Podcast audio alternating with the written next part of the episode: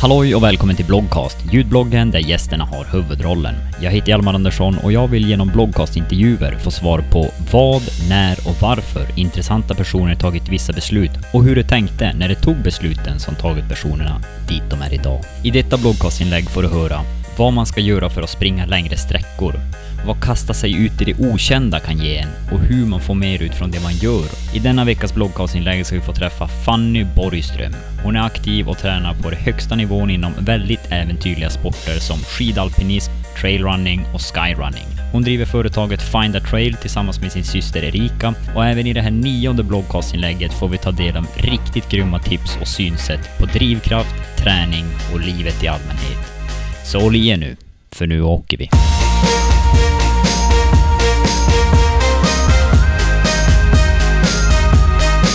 Halloj och välkommen till Bloggcast. Fanny Borgström, välkommen. Hur är läget? Det är bra tack. Roligt att få ha med dig i Bloggcast. Det är en stor ära att få komma hem till dig här i Duve. Du bor extremt fint, måste jag säga. Tack så mycket. På 46 små kvadrat. Ja, men det är välutnyttjat tycker jag ändå. Och, och balkongen här bakom mig har ju en utsikt som heter duga. Så eh, jag kan tänka mig att morgonkaffe måste jag smaka extra gott varje morgon. Det är fint. Men eh, vi ska ju så här att du ska få presentera dig själv som nästan alla, jag tror alla, bloggcastgäster. Jo, alla bloggcastgäster har hittills fått presentera sig själv och jag tänkte att du också ska få göra det. Det jag vill ha då i den här presentationen är vem du är, vart du kommer ifrån och vad du sysselsätter dig med idag. Ofta intressant med den här frågan brukar ofta vara att man är ett jobb. Jag är ju inget jobb. Jag är nog mer en eh, naiv och eh, levnadsglad människa. Eh, och jag går många vändor i backarna på skidor på vintern och på sommaren så springer jag så mycket jag kan. Jag håller helt enkelt igång väldigt, väldigt mycket. Ja, det kan man minst sagt säga. Ja. Men var, var är du någonstans ifrån ursprungligen? För du är inte härifrån Duved. Jag är ifrån, eh, faktiskt från Östersund, eller Brunflo. Så att det står jämte i passet. Okay. Eh, och sen är jag uppvuxen sen jag var fem i Umeå. Okej, okay. ja. så du är från Umeå, en Umeåit? UA-patriot. UA-patriot. Men alltså, som du nämnde där lite kort, att du, du tränar ju en hel del, måste jag säga. Och det är ju faktiskt på den nivån att det till och med är elitnivå. I vår mailkonversation som vi hade här någon dag innan så nämnde du det här att mycket av det jag är och det jag har gjort och som ofta brukar vara det folk förundras över är att jag bara gör. Och då sa du ju nu också naivt, nyfiken och dumdristig. Mm. Tror du att det är något som gjort att du tagit dig dit du är idag med din sport? Eller dina sporter? Ja, jo men verkligen. Alltså jag har ju ställt mig på startlinjen till mästerskap och typ aldrig gjort distansen jag ska tävla i. Och det är väl, alltså det är väl naivt om någonting och kanske mm, dumdristigt också eftersom man inte vet om man ens klarar det. Mm. Men jag går väl igång på det. Så, så du, det är lite som ett test egentligen, när du, när du ställer dig på tävlingen. Anser du dig som att du, du då är i hetluften för tävlingen, eller är du och testar dig själv? Ja, alltså länge har man ju kunnat vara det här att man hela tiden känner att jag ska göra för att se om jag klarar det. Mm. Eh, och nu har jag väl kommit upp till den nivå att jag känner att ja, men, de flesta saker vet jag ju att jag hanterar nu. Och det är väl kanske då också man kan känna att man ska kan röra sig i i termer av att man är elit. Mm. För då kanske man inser, ja men för att bli bättre nu, nu handlar det ju inte bara om att klara det, utan nu handlar det ju om att göra det så bra som möjligt. Mm, mm. Och det är väl kanske, skulle jag säga, definitionen av att vara elit. Mm.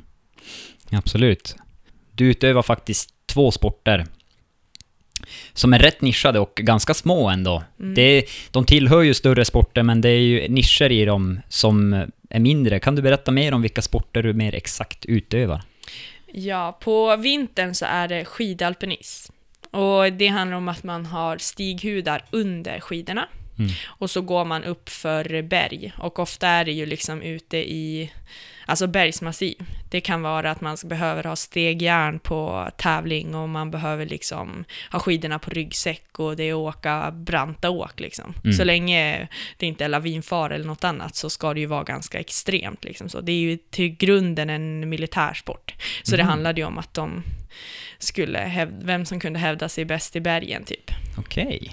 Eh, sen nu när det är en, när det vill bli en OS-gren så har det ju blivit mer till att ja, men det ska vara en publikvänlig Mm. sport. Ja, då Så. kan man inte stå ute i bergsmassiven kanske. Nej, det gör det lite svårare att filma och hålla igång liksom någon slags eh, livesändning så, men det ju, handlar ju fortfarande om att gå mellan typ 14 och 1700 höjdmeter på tävling.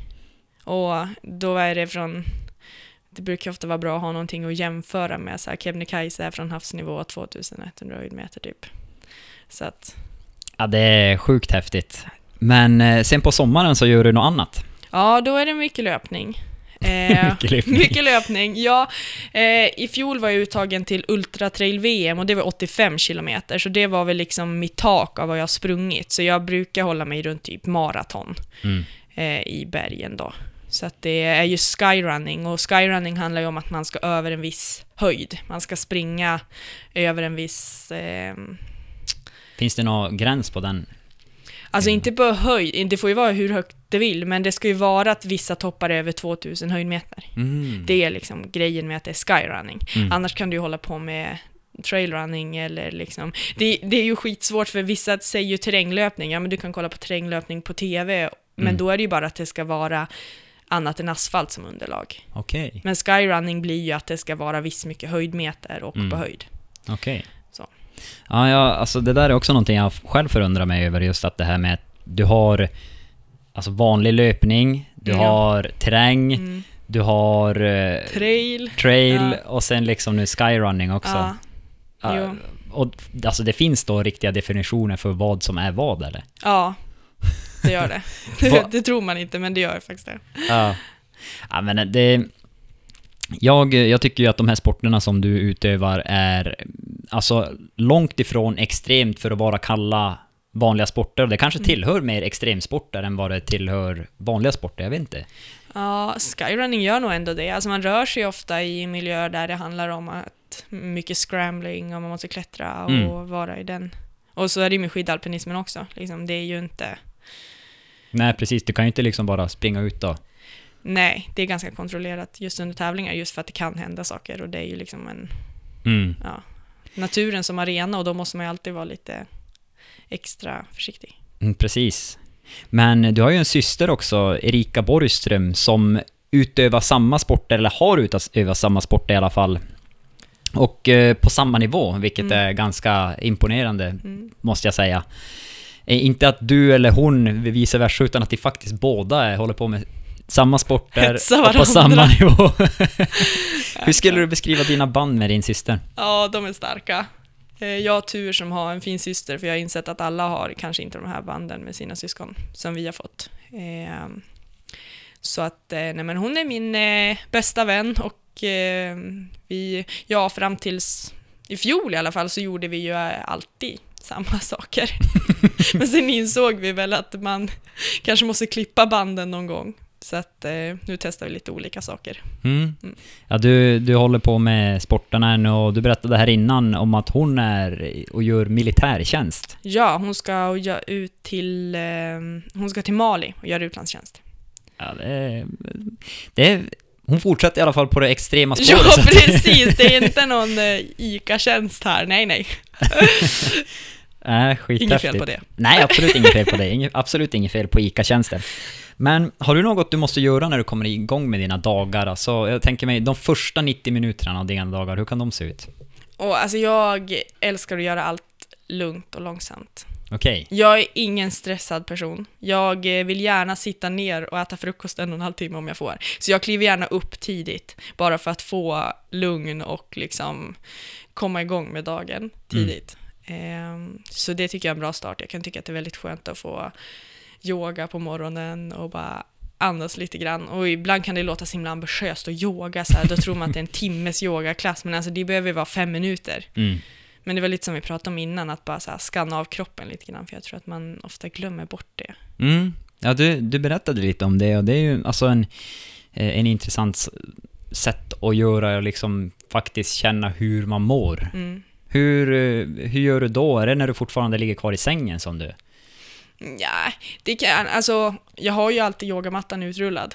Mm. Och det är ju en bra grej, att alltid se den där och veta att ja, men jag kan göra en dogpose. Mm. Och så gör man en och sen så känner man, ja ah, men det sträckte lite grann där och så gör man något annat och så mm. till slut så. Men jag tror att det är viktigt att inte lägga liksom någon press i det. Nej. Inte det här att jag måste, så känner sällan jag i alla fall, jag måste gå upp och göra yoga för då kommer jag inte tycka att det är lustfyllt. Nej, nej, nej. nej. Det blir lite som i skolan, man läste väl hur mycket intressanta saker som helst egentligen i skolan. Mm. Men bara det där att man la på att det måste vara inne till det här datumet eller du måste göra det här, då blir det liksom... Mm. Ja, jag förstår vad du menar. Är verkligen, verkligen sant. Men eh, så yogan är någonting som du eh, kombinerar då med dina sporter som, ja men lite att du får känna efter hur kroppen är och du kanske sträcker ut och... Ja, jag tycker att det är en bra... För mig som inte kör så mycket styrka så är det tillräckligt med styrka att bara använda sin kropp i sådana rörelser liksom och få kroppskontrollen som mm. det faktiskt medför. Ja, men alltså absolut, det kan ju vara bra. Alltså jag har själv försökt prova yoga någon gång, men det... Alltså det, det är så svårt för mig att inte liksom få det att bli någon sån här styrkeövning. Att det brukar ja. oftast bli att man istället för att försöka utnyttja det till att kanske sträcka ut och mm. ta det som någonting som kan vara bra för kroppen, så blir det istället att man ska börja stå på händer och man tar de här...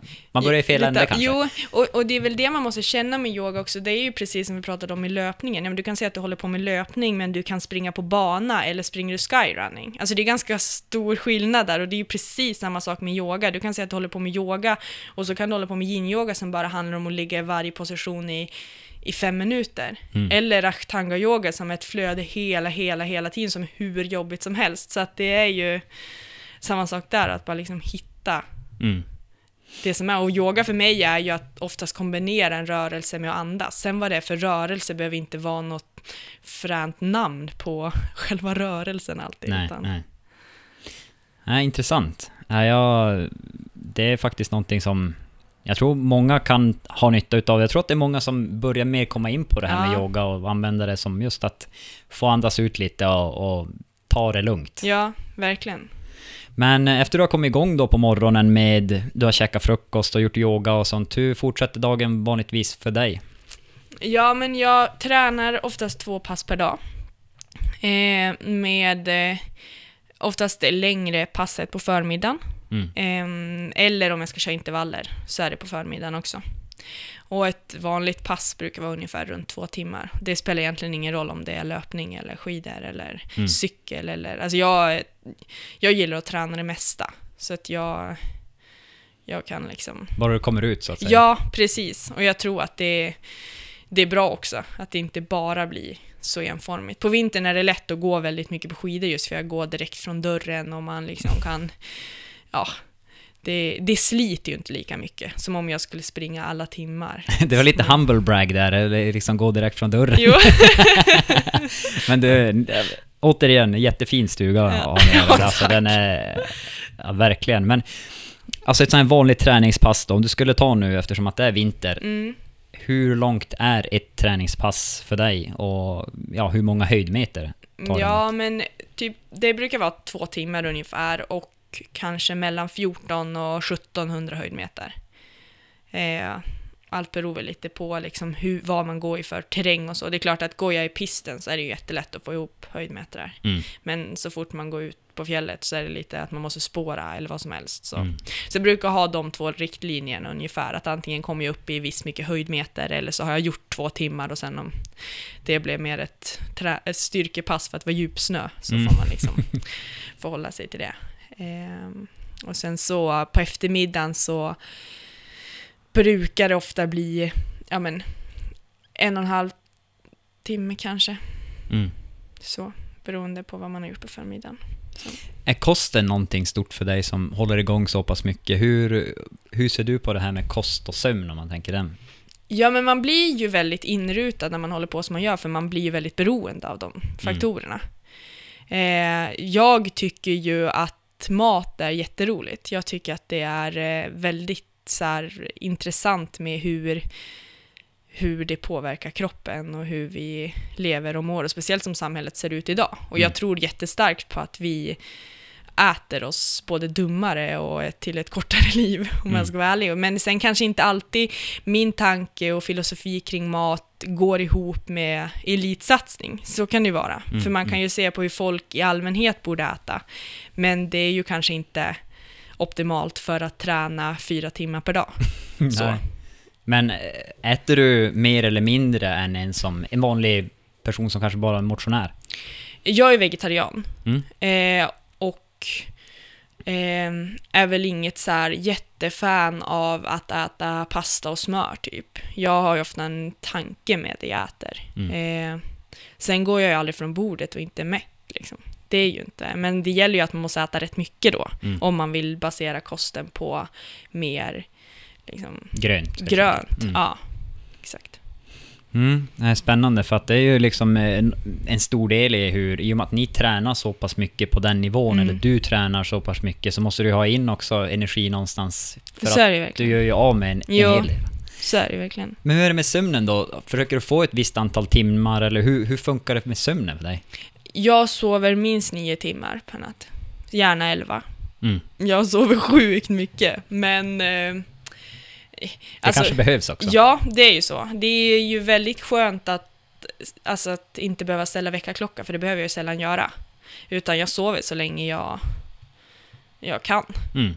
utan att begränsa mig. Men sen gillar jag ju också att vakna på morgonen. Så jag går ju hellre och lägger mig tidigt på kvällen Mm. och så får vakna upp vid sju på morgonen. Liksom. Mm. Har ni någon sån här eh, restriktioner för vad som gäller för er? I och med att du är ju med i Skimo-landslaget. Mm. Har ni någonting från landslaget som gör att ni måste ha ett visst, alltså, eller måste och måste, men alltså rekommendationer för vad ni bör äta och vad ni bör, hur mycket ni bör sova?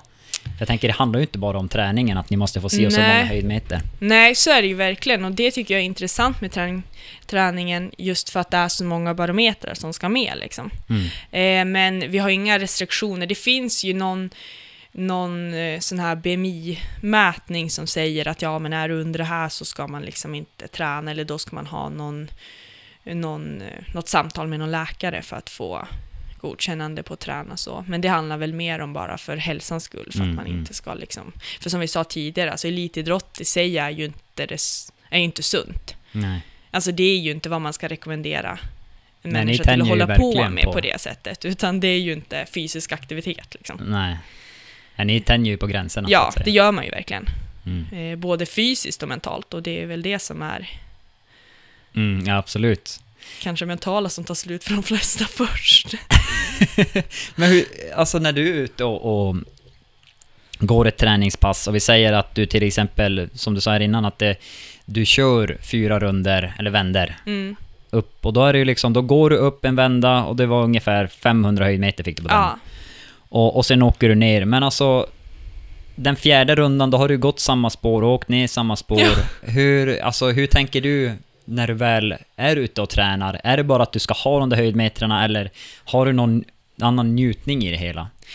Ja, men när jag är hemma så här och tränar så tycker jag att det där är väldigt skönt. Alltså Mm. då tycker jag det är otroligt skönt att bara slappna av i att jag går samma runda. Mm. Jag går den här backen upp och ner. Med tanke på att man ändå är iväg så pass mycket och man är, jag, ja, jag vet inte vad senast jag summerade någon gång något år så var det ju liksom, man är iväg i 170 dagar på ett år. Jävlar. Och då är det ju ganska skönt att när man väl är hemma så är det Mm. inrutat, då vet jag vart jag går liksom. Mm. Sen är det säkert många som inte skulle se motivationen i det, men jag vet ju att jag går där för att sen kunna gå någon annanstans Mm. och orka med det. Mm. Eh, Men jag tycker det är tillfredsställande Mm. att gå Mm. samma backe upp och ner. Ja, det är grymt imponerande att höra. Då har vi nu arbetat oss igenom här vad du gör idag egentligen och, och eh, dina sporter helt enkelt du utövar. Och nu ska vi göra det här klassiska tillbakahoppet i tiden, det som vi har gjort nu i varje bloggcastinlägg. Och eh, vi ska hoppa tillbaka till högstadiet och skol skolåren helt enkelt. Vart någonstans gick du högstadiet? Jag gick i Röbäck och det ligger utanför Umeå. Det luktade ganska ofta koskit där för att det var en slätt mellan stan och vår lilla by där ute. Okej. Men om du tänker tillbaka till skolåren och sånt. Hur såg du på skolan? Ja, men jag tyckte skolan var rolig. Eh, jag var inte jättebra i skolan, men jag var, jag var liksom okej. Okay. Jag, häng, jag hängde med de som var duktiga, så jag fick det lätt därför, så att jag kunde liksom så här, äh, liksom smyga mig med där. Mm. Eh, sen så har jag väl alltid liksom varit duktig på att eh, prata eller ta för mig, så det har ju varit enkelt därför att vara i skolan. Mm. Jag har mm. liksom aldrig känt att jag har begränsat mig. Fick du kämpa hårt med, med ämnena och betygen och sånt? Nej, nej, det fick jag inte. Alltså det är väl kanske att man har hög, eh, man vill hålla hög nivå. Mm. Så det kanske var mer så. Alltså jag kunde nog vara så här, ja men fick jag inte bästa betyg, då var det ett nederlag. Mm. Alltså mer än vad jag kanske kände att så här, åh vad nöjd jag blir om jag... Så du låg alltså, då, då var, du skulle som ligga på VG, MVG helst? Ja. Ja, jo jag tror inte, jag, ja, jag gick inte ut med något betyg som inte var det. Så att det var väl ändå, alltså jag har haft jättelätt i skolan så. Ja, skönt att höra. Det, ja, jag har haft tur. man ska inte säga att man har haft tur, eller ja, förmodligen så kan man väl säga att den här vinklingen med tur, jag, jag gillar det här ordet tur. Ja. För man måste försätta sig i de situationerna jo, som ger en tur. Så, så är det ju verkligen. Jo, det är det ju. Och sen om tur är tur, det är ju en, en fråga men ja. man kan ställa sig. Men eh, vi hade en annan här i, i bloggcast som heter Linnea Pettersson. Ja. Och hon var också en väldigt prestations hon ville, hon spelade handboll på elitnivå mm. för Sävehof. Ja. Och hon hade också, hon skulle liksom ha toppbetyg. Ja. Och var det, vart det något fel och sånt där, då kunde det vara. Det var, det var inte bra liksom. Okay, nej. Var det så för dig? Nej, jag var väl inte så nitisk liksom. Det, jag hade nog kunnat anstränga mig mer och se till att jag hade liksom ännu bättre betyg. Mm. Så. Men det var väl bara det att ja, men, man har ändå hög standard. Mm. Så jag tyckte att det var... Det var viktigt för dig? Ja, men man ska ändå försöka. Mm. Det tycker jag är en bra... Mm. Det är i alla fall en bra insats, så länge man har försökt. Så. Ja, men absolut. Eh, hur gick dina tankar när du gjorde gymnasieval? Jag antar att det var inget problem för dig att välja, eller det var inget problem för dig att komma in på den linjen du kanske ville? Nej, nej, det var det inte. Jag hade nog kommit in på det det jag alltid hade önskat. Men jag gick, utgick från att jag ville gå på en stor skola. Okay. Och i Umeå så fanns ju Sveriges största gymnasieskola, mm -hmm. eh, Dragonskolan. Mm. Eh, så det är över 2000 elever. Okej. Okay. Eh, så där hamnade jag, en bland alla andra, typ. Men eh, vad då, vilket gymnasieprogram eller linje valde du då? Samhälls. Samhälls? Ja intressant det där, för Per Jonsson som var med här tidigare ja. idag, han, eh, eller som jag intervjuade tidigare idag, han, han hade, gick också samhälls, och det hette då företagslinje eller företagsprogram, okay. och det var någon inriktning inom samhälls. Ja, Ja, det finns nog säkerligen, men jag gick liksom bara rent av vanlig samhälls. Men jag vet ju att de har gjort om det väldigt mycket nu. Mm. För när jag gick så fick man ju välja så otroligt mycket ändå. Mm. Så man hade ju liksom standard att ja, men du skulle läsa de här uh, kurserna, men sen var det ju väldigt många poäng som man bara fick välja helt fritt. Så jag menar, jag gick ju typ så massage och avslappning och mm. fick läsa körkortsteorin, så till slut så blev det ju mm, Det kommer jag ihåg också, jag också gjorde. Ja, det var ju skitbra. Ja. Shit alltså. Ja, det var grymt. Ja. Men eh, alltså det, det, är så intressant när man pratar nu om gymnasiet och sånt där, för att eh, det är så många linjer och program som inte ens jag vet om ja. har funnits. Det är mm. sjukt. Hur kände du att gymnasiet var? Var det roliga år eller var det kämpiga år? Hur, hur såg du på skolåren i gymnasiet? Ja, men det var roliga år mm. till en början. Sen hade jag sista året ganska kämpigt med att jag kände så här, nej men jag vill inte vara här. Mm. Nu vill jag släppa det här. Och, och jag tror att alla kan ju på något sätt se tillbaka på sina tonår och känna att man hade en tonårskris. Mm. Och jag hade nog mitt sista året på gymnasiet, okay. då jag kände så här, nej men vad fasiken, nu håller jag andan och hoppas att det håller ett år typ. Mm. Så var lite känslan. Skoltrött. Ja, det blev, jag började väl redan där kanske ändå känna att så här, ja men jag, jag vill ju hålla på med kroppen och jag vill idrotta, men jag hamnade i en klass där det var väldigt mycket så här, ja men alla festade och det var liksom det som var grejen och, och då, ja men det tyckte jag var kul de två första åren mm. och sen så bara, nej, nu nej, har jag gjort det, det här. Mm. Så nu vill jag vidare på något sätt. Det var ett lärorikt sista år på gymnasiet som jag har tagit med mig väldigt mycket med fram till nu liksom. Mm. Känner att jag har lärt mig av. Vad, mm, känner du att det var något specifikt som du som du har tagit med dig, som du använder idag eller som du har nytta utav idag? Ja, men jag, kan, jag är väldigt fyrkantig som människa, men jag brukar säga att jag är väldigt flexibel innanför min fyrkant. Eh, där satte jag väl väldigt mycket ramar och normer för hur jag tyckte saker och ting skulle vara. Mm. Så att det nästan blev liksom för snävt. Mm. Det blev liksom att det fanns, lite som jag sa, men fick jag, fick jag inte bästa betyg så var det inte bra. Mm. Det fanns liksom inte det här att, ja ah, men gud vad bra att jag ändå klarade det här, utan det var liksom, klarar jag det, då är det okej. Okay. Men det fanns liksom inget så här, ja, jag kunde inte se att det jag gjorde var bra. Mm -hmm. så det har jag tagit med mig väldigt mycket nu när man kommer tillbaka och bara, men, att det är så orättvist att vara så. Mm. Så just nu ger jag mig själv väldigt mycket cred, bara för att jag bara, ah, det är ju härligare att vara så. Mm. Ja men alltså herregud, ja, ja men det måste ju vara jobbigt för en själv. Man kanske inte märker det då i den situationen, men så här i efterhand nu när du ändå har för du har ju, du har ju lärt dig någonting jo, av det. Ja, verkligen. Alltså det, jag, man kan ju tänka när man var där att det var så här kämpigt och, och så, men just nu så ser jag det ju bara som en vinst för att jag tog mig ur det på något sätt. Jag mm. hade kunnat fastnat där och blivit väldigt snäv och liksom rättat mig efter hårda och stränga regler, men nej. Nu känner jag bara, ja, man vill inte fastna där igen. Nej, nej precis. Uh, men du var rätt duktig fotbollsspelare, vet jag också om. Det är du säkert också än idag.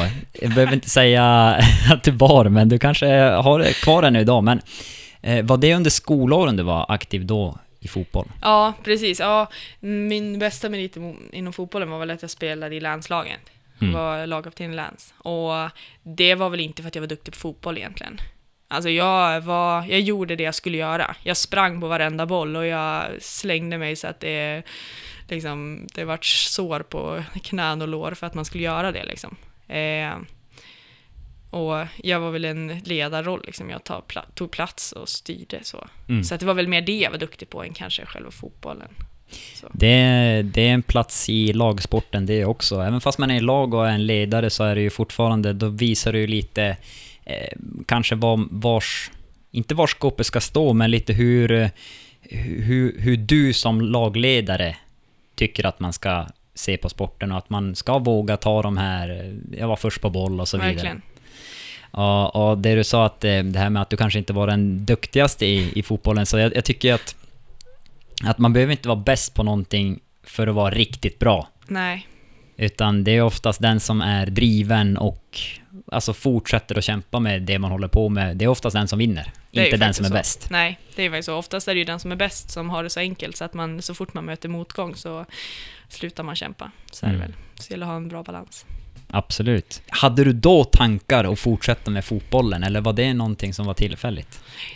Hade någon eh, plockat upp mig till Umeå var det väldigt stort att spela fotboll liksom. Eh, mm. Det var ju många duktiga damlag och det var väl de första liksom betalda spelarna fanns ju i Umeå, damspelare, så att det var ju bra, bra arena på det sättet. Och hade någon plockat upp mig och sagt att nej men Fanny, vi tror på dig. Mm. Vi, vi vill ha dig med i vårt lag och efter Lans att jag hade liksom fått den skjutsen, då hade jag säkert kunnat fortsätta med fotboll. Mm. Men eh, en, jag blev nog lite sådär att, nej men fick jag inte den credden då, då kunde jag hitta på något annat. Liksom. Mm, mm. Men alltså fotboll är ju en, det är ju en väldigt stor skillnad på det du gör idag i och med att det är en lagsport mm. och det här är en individuell sport. Ja. Men har du tagit med dig någonting från fotbollen och den sporten till idrotten och sporten du håller på med idag? Ja, absolut. Eh, alltså lagidrott är ju härligt för att det också har flera barometrar på att det liksom ska klaffa med att alla spelare så. Mm. Eh, men när jag håller på med individuell idrott så är det fortfarande flera saker som vi pratade om tidigare ska klaffa. Eh, och det tar jag väl verkligen med mig att ja, men, det är så många bitar som ska på plats mm. för att saker och ting ska funka. Mm. Eh, men som vi sa, har man drivet så hittar man dem till slut. Mm, absolut. Eh, men arbetar du någonting under skolåren? Alltså jag tänker mig, tänk nu som första jobb, första sommarjobb. Mm. Hade du något sånt under skolåren eller eh, jobbar du extra någonting då? Ja, under gymnasiet så jobbade jag som personlig assistent.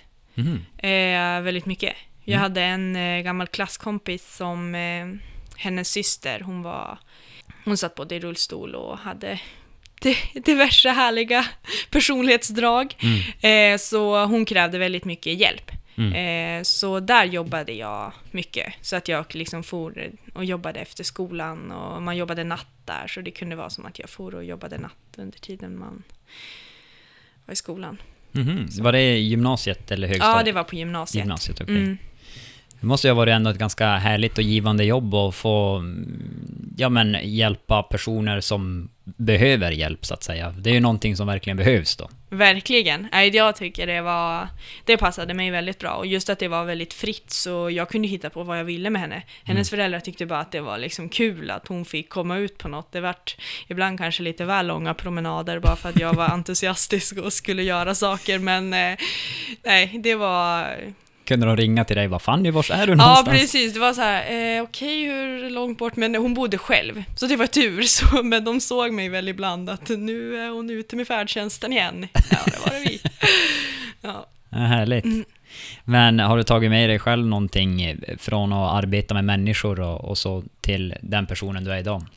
Ja, men vi fick faktiskt gå en väldigt intressant kurs där man fick testa alla de här sakerna som man faktiskt gör på de man jobbar med. När, när fick du det? Eh, under tiden jag jobbade för, jag jobbade för ett privat bolag. Mm. Och då hade de det som standard, att man skulle liksom få ja, bli buren och man skulle få bli körd i rullstol och man skulle liksom... Och då förstår man ju hur begränsad ens liv skulle vara Mm.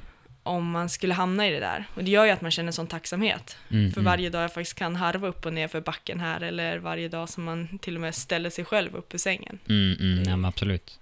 Sen är det klart att jag tror inte man kan leva ett liv hela tiden och tänka att åh, det där skulle kunna hända och tänk om jag gjorde det där. Men att ibland bara så här, ja men sluta vara så himla hård eller Mm. känna att så här, det är liksom bra som det är. Mm. Tacksam för det man har. Mm. Ja, det där är en bra tanke. Intressant. Jag har själv aldrig jobbat i vården, så att det, det är lite intressant att höra det. Eh, jag har själv en, en mamma som har jobbat i 35 år Ja. inom vården, om inte Ja. mer till och med. Sån där eldsjäl. Ja, det håller jag med om. Det är Ja. eldsjäl och det är ju liksom jävligt bra att det finns, men de blir ju väldigt mycket färre Jo, nu. så är det ju. I och med att det är så pass dåligt betalt och Mm. dåliga arbetsformer och så vidare och så Mm. vidare. Mm. Men eh, funderade du då under gymnasiet att studera vidare till någonting eller var det liksom tredje året, då var det så pass skoltrött så att du inte ens hade den tanken eller hur? Nej, jag var nog ganska färdig. Eh, jag eh, hade ju massa idéer på vad jag ville göra. Jag kan förstå de som känner att man tycker att skolan är en bekväm miljö, Mm. för det är det ju ändå. Man vet man ska dit, man ska göra sina uppgifter, och, men man är ändå hyfsat fri. Mm. Eh, men jag kände att jag hade så mycket som jag ville upptäcka och så många saker som jag hade sett framför mig. Mm. Eh, Erika var ju väldigt duktig på att resa och upptäcka Mm. världen, så jag hade ju som fått, fått eh, leva lite det genom henne, så jag var ju sugen på att få ta mig iväg. Gjorde du det då? Ja, det gjorde jag. Egentligen, det första var väl att jag for hit till Duved, Mm. för jag skulle ju göra säsong. Mhm. Så mer exotiskt än så var det ju inte till en början. Lång fall. till Duved. Precis, till urskogen i Jämtland. Ja, okej, Thailandstränder och så. Nej, det lockade väl inte riktigt, men, eh, men, eh, nej, men det blev väl första att flytta upp hit liksom. Och det gjorde jag ju direkt efter, Okej. Mm. efter gymnasiet. Mm. Och vad, du berättade lite här i, i vår mailkonversation om att eh, du hade en liten, eh, du hade en plan helt enkelt när du skulle hit till Duved, men det vart inte riktigt så. Nej, nej, men precis eftersom jag var skolad i det här med att man skulle festa på helgerna och man skulle vara, ha, åka skateboard och vara lite skön, så eh, tänkte jag ju att jag skulle upp hit och eh, hänga i Bräckeparken, alltså där man typ gibbar och hoppar, eh, och dricka öl och gå upp till afterski och liksom eh, sådär. Men det vart spandex och snabba glajer istället för min del, så att ja, jag, vet inte, jag är nöjd med valet så här efterhand, men min, min målbild var något annat.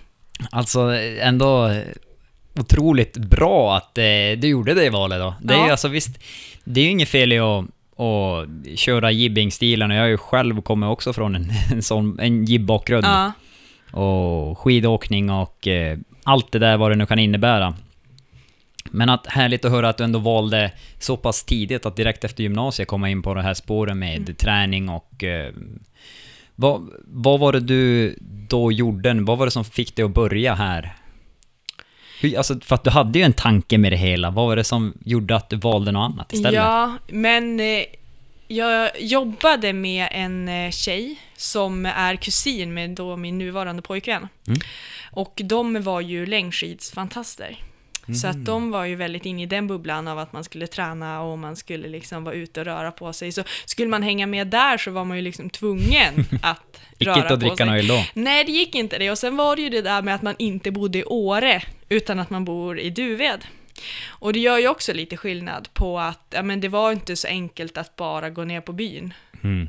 Det blev, allt blev lite mer omständigt eh, än vad jag kanske hade sett framför mig. Sådär. Eh, jag vart ju skitblöt om sneakersarna om jag skulle ta mig in till byn, liksom. det gick ju inte. Eh, så att eh, där någonstans blev det väl skoterskor istället och mer fysisk aktivitet än öldrickande. Mm. Men hur kommer det sig att du valde Duved istället för Åre då? Om du hade den tanken ändå? Ja men det är för att den här stugan som vi är i nu, den ägde ju pappa. Eh, så att eh, det var ju det som gjorde det enkelt att flytta upp hit.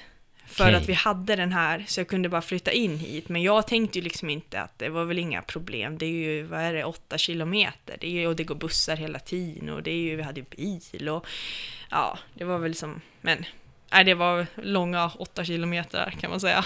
Ja, ja, ska man dricka öl då får man ju inte ta bilen Nej, det får man verkligen inte göra. Så det var ju sant. Och skidbussarna slutar gå vid halv nio, så att då var man ju tvungen att hitta någon att sova hos i byn och det är ju inte alltid lätt. Nej. Ja, men alltså så jäkla härligt att höra att det, du hamnade in på det där spåret. Men så att du, du började då lite med, var det längdåkning du började med då direkt eller? Nej, alltså... ehm, Olle då, min pojkvän, hans brorsa höll på med skidalpinism. Mm. Eh, så att det var väl det att, ja men första säsongen var slut och det var vår och han sa så ja men följ med upp på Tura. Och vi fick någon så här riktigt tunga rambindningar och det var riktigt harvigt och hudar som, ja det var liksom, men ändå blev man så här, ja det här vill jag göra igen. Mm. För vi fick gå ut eh, ute i eh, Storulvån. Mm. Det ligger ju fyra mil härifrån och är ju ja, men ändå ganska högalpint för att vara jämfört med den här lilla kullen jag har här Är hemma. det mot Norge då eller? Ja, det ligger mot Norge och så svänger man in typ ja, lite tillbaka igen men egentligen. Men när jag går upp på eh, Mullfjället här då ser man till Storulvån. Okej. Mm. Eh, men det är väl lite topptursmecka här då, i Jämtland. Mm. Eh, och Det var där gnistan tändes? Det var där gnistan tändes.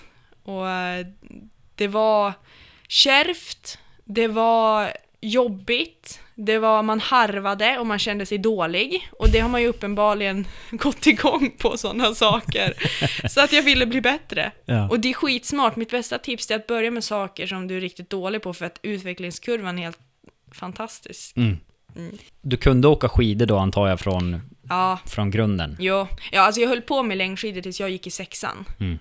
Eh, men då så var väl inte min mamma så sugen på att skjutsa mig till, förlåt mamma, till eh, skidträningarna och eh, jag ville inte tävla. Nej. Och då sa de att ja men varför ska du hålla på med det här om du inte vill tävla? Då får du göra något annat. Mm. Mm. Och det, jag var väl inte mer svårövertalad än så, så då slutade jag. Så jag kunde ändå stå på skidor liksom, och vi hade ju stuga här, så vi hade ju alltid åkt alpint och Mm. liksom sådär. Och jag tänkte ju ändå att jag skulle ge, hoppa i de röda hoppen i parken, så. Lite Det- åkstabil. Kunska, nej, kunskaperna nedförs fanns ju i alla Ja, fall. De är ju bra att ha när man toppturar. Ja, men de är rätt bra, för ibland kan det vara lätt att gå upp för och sen vänder man sig om och bara oj ja, jag ska ner för det här också. Så du började egentligen då med ehm, ja, toppturande kan man väl säga. Ja, Eh, och vad var nästa steg efter du hade fått köra den där toppturen då? Var det införskaffa egna grejer och eller hur? ja då var det ett topptursläger i eh, Storulvån. Eh, och Emily Forsberg är kanske ett bekant namn. Välbekant för min del i alla fall. Och ni som inte vet så är hon... eh, Ja, det är bara att googla Emily Forsberg så kommer ni få se. Det är en väldigt duktig... Du tränar ja. ju med henne också en del. Kanske inte nu just nu i och med att de kanske väntar barn nu. Ja, men- precis. Alldeles strax kommer det ett litet eh, knyte. Men Mm. ja, jo, men så att eh, det var väl hon som fick oss till att verkligen eh, köra på lätta grejer. Så efter den toppturshelgen liksom så var det så här, ja men som henne vill man ju vara. Mm. Hon är ju, ja, urstark och eh, imponerande. Så att eh, då övertalade hon oss att köra Keb Classic, Mm. vilket jag skulle säga är Sveriges bästa skidalpina tävling. Som en två dagars tävling som går upp i Keb-massivet. Mm. Och det var väl där någonstans det riktigt började. Så vi började ju då typ med Keb Classic. Eh, Liten rivstart kan man Ja, väl det är säga. en liten rivstart kan man säga. på de där spinkiga skidorna och uh, ingen kunskap ungefär. Om. Men skönt ändå att vara lite den här utkastad i, i, i hetluften så att ja, säga. precis. Det, det har varit ett signum så här. Ja, har någon sagt att jag kan, då gör jag det. Mm. För någon har ju sagt att jag kan och då får man väl se om det... Sen säger man inte att man kommer göra det bra, men man vill i alla fall försöka. Ja. Men det här eh, första Keb Classic, Ja. eh, kan du berätta lite mer om det loppet och hur, hur gick det då? För att det är ju ändå ett ganska, alltså jag anser det som ett tufft lopp. Ja men det är det ju verkligen. Det är ju två dagars tävling och man gör väl ungefär 5000 höjdmeter totalt tror jag. Mm. Eh, och det är ju mycket, många olika moment. Då som vi pratade om tidigare med stegjärn då, alltså att man sätter under pjäxorna och, Mm. och går upp för där är isigt oftast. Eh, och man ska ha sele och man ska fira sig och man ska åka branta åk. Jag tror det är väl 55 graders lutning ner något åk där liksom. Mm. Så att det är ju inte... Halspasset kanske. Precis, ja. Så det är ju inte bara en pist att åka ner för liksom. Nej. Naiva som vi var så eh, startade vi första dagen med våra tre rutor Marabou mjölkchoklad. Oh, herregud. Och det var ju när vi kom ner till första liksom, checkpoints efter att ha firat oss ner då vid halspasset där, då skulle man ju gå i V-Ferrata och inklippt alltså.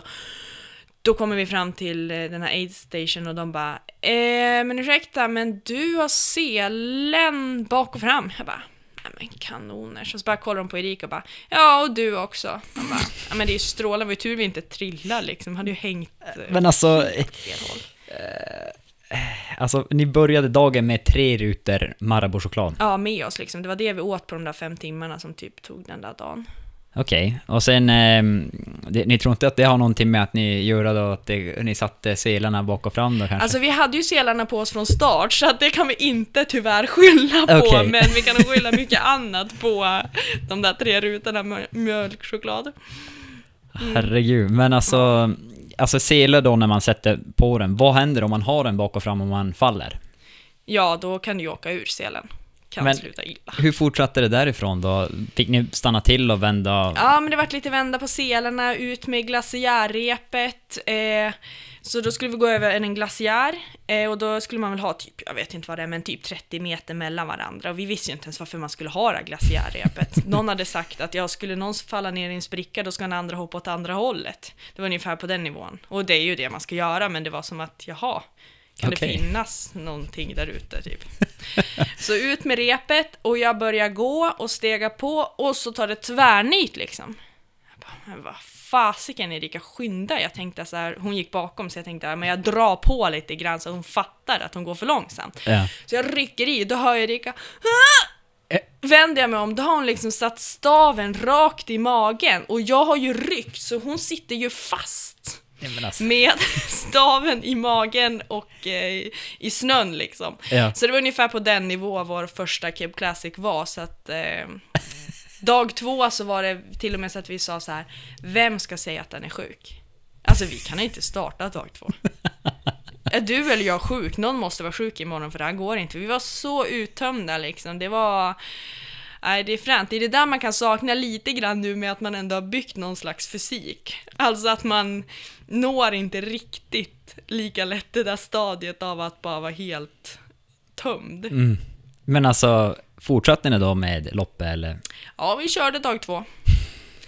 Var det tre Marabou? Ja, det var samma upplägg. Ja, det var inget, och då var det ju till och med så att det var lite dimma, så vi fick ju lära oss då på kvällen innan hur man skulle ta ut kompassriktning. För Keb är inte en markerad bana, utan det finns bara checkpoints som man ska ta sig fram till och sen finns det ju en, ja, en bästa väg liksom. Men egentligen får man ju ta sig dit hur man vill. Mm. Ehm, Så vi fick ju lära oss då där på kvällen att ta ut kompassriktning ifall att det skulle dra in dimma när man skulle över typ glaciären. Och det gjorde det? Ja, det gjorde det. Men eh, det var ju tur det var spår. Ja, ja, ja. Att vi var sist. Det var tur att vi var sist, så vi kunde följa någon spår ungefär. Ja. Men det var, ni genomförde det ändå? Ja, det gjorde vi. Ja, det var en bedrift. Ja, coolt. Mm. Alltså det är ju... När du tittar tillbaks på det där, kände du att det var... Att ni hade kunnat göra det på något annat sätt, alltså att ni förberedde er bättre, eller hur, hur... För det är ju, när ni åkte upp dit, alltså Kebne är ju som, det är ju mitt ute i Mm. ingenstans, Kebne Mm. fjällstation. Hur tan- gick tankarna då? Var det första gången ni var dit upp det? Ja, det var det. Eh, men det var ju för att Emelie hade sagt att vi skulle klara det. Hon trodde att vi klarade det. Och det gjorde vi ju. Så Mhm. det går ju. Och egentligen skulle ju alla historier kunna vara så att man har ju en första gång för allting. Mm. Eh, så det går ju som... Ja, alltid att skratta. Sen kan man ju tänka att man kanske inte behöver ta så stora kliv. Liksom. Det hade kanske varit bra att man hade börjat med att gå tusen höjdmeter i alla fall och känt på hur det var. Mm. Eh, men, men det är väl det vi aldrig riktigt gjort då. Vad var det nu? lite- Naiv... eh, Ja, dumdristig och levnadsglad i alla fall. Ja. Jag tycker det är intressant det där för att eh, det är ju många som kanske tar de där stegen emellan och kanske därifrån bara, bara för att de märker att tusen höjdmeter är... Det är, ju- det är ju jobbigt, Ja. tusen höjdmeter. Men redan där kanske de sätter de mentala stopp för sig själva att okej, vi kanske inte orkar det här på tävling. Nej, Och ni satte ju då in i en tävling och så då är det ju som bara genomföra och sen vad fan, vi fixar det här. jo.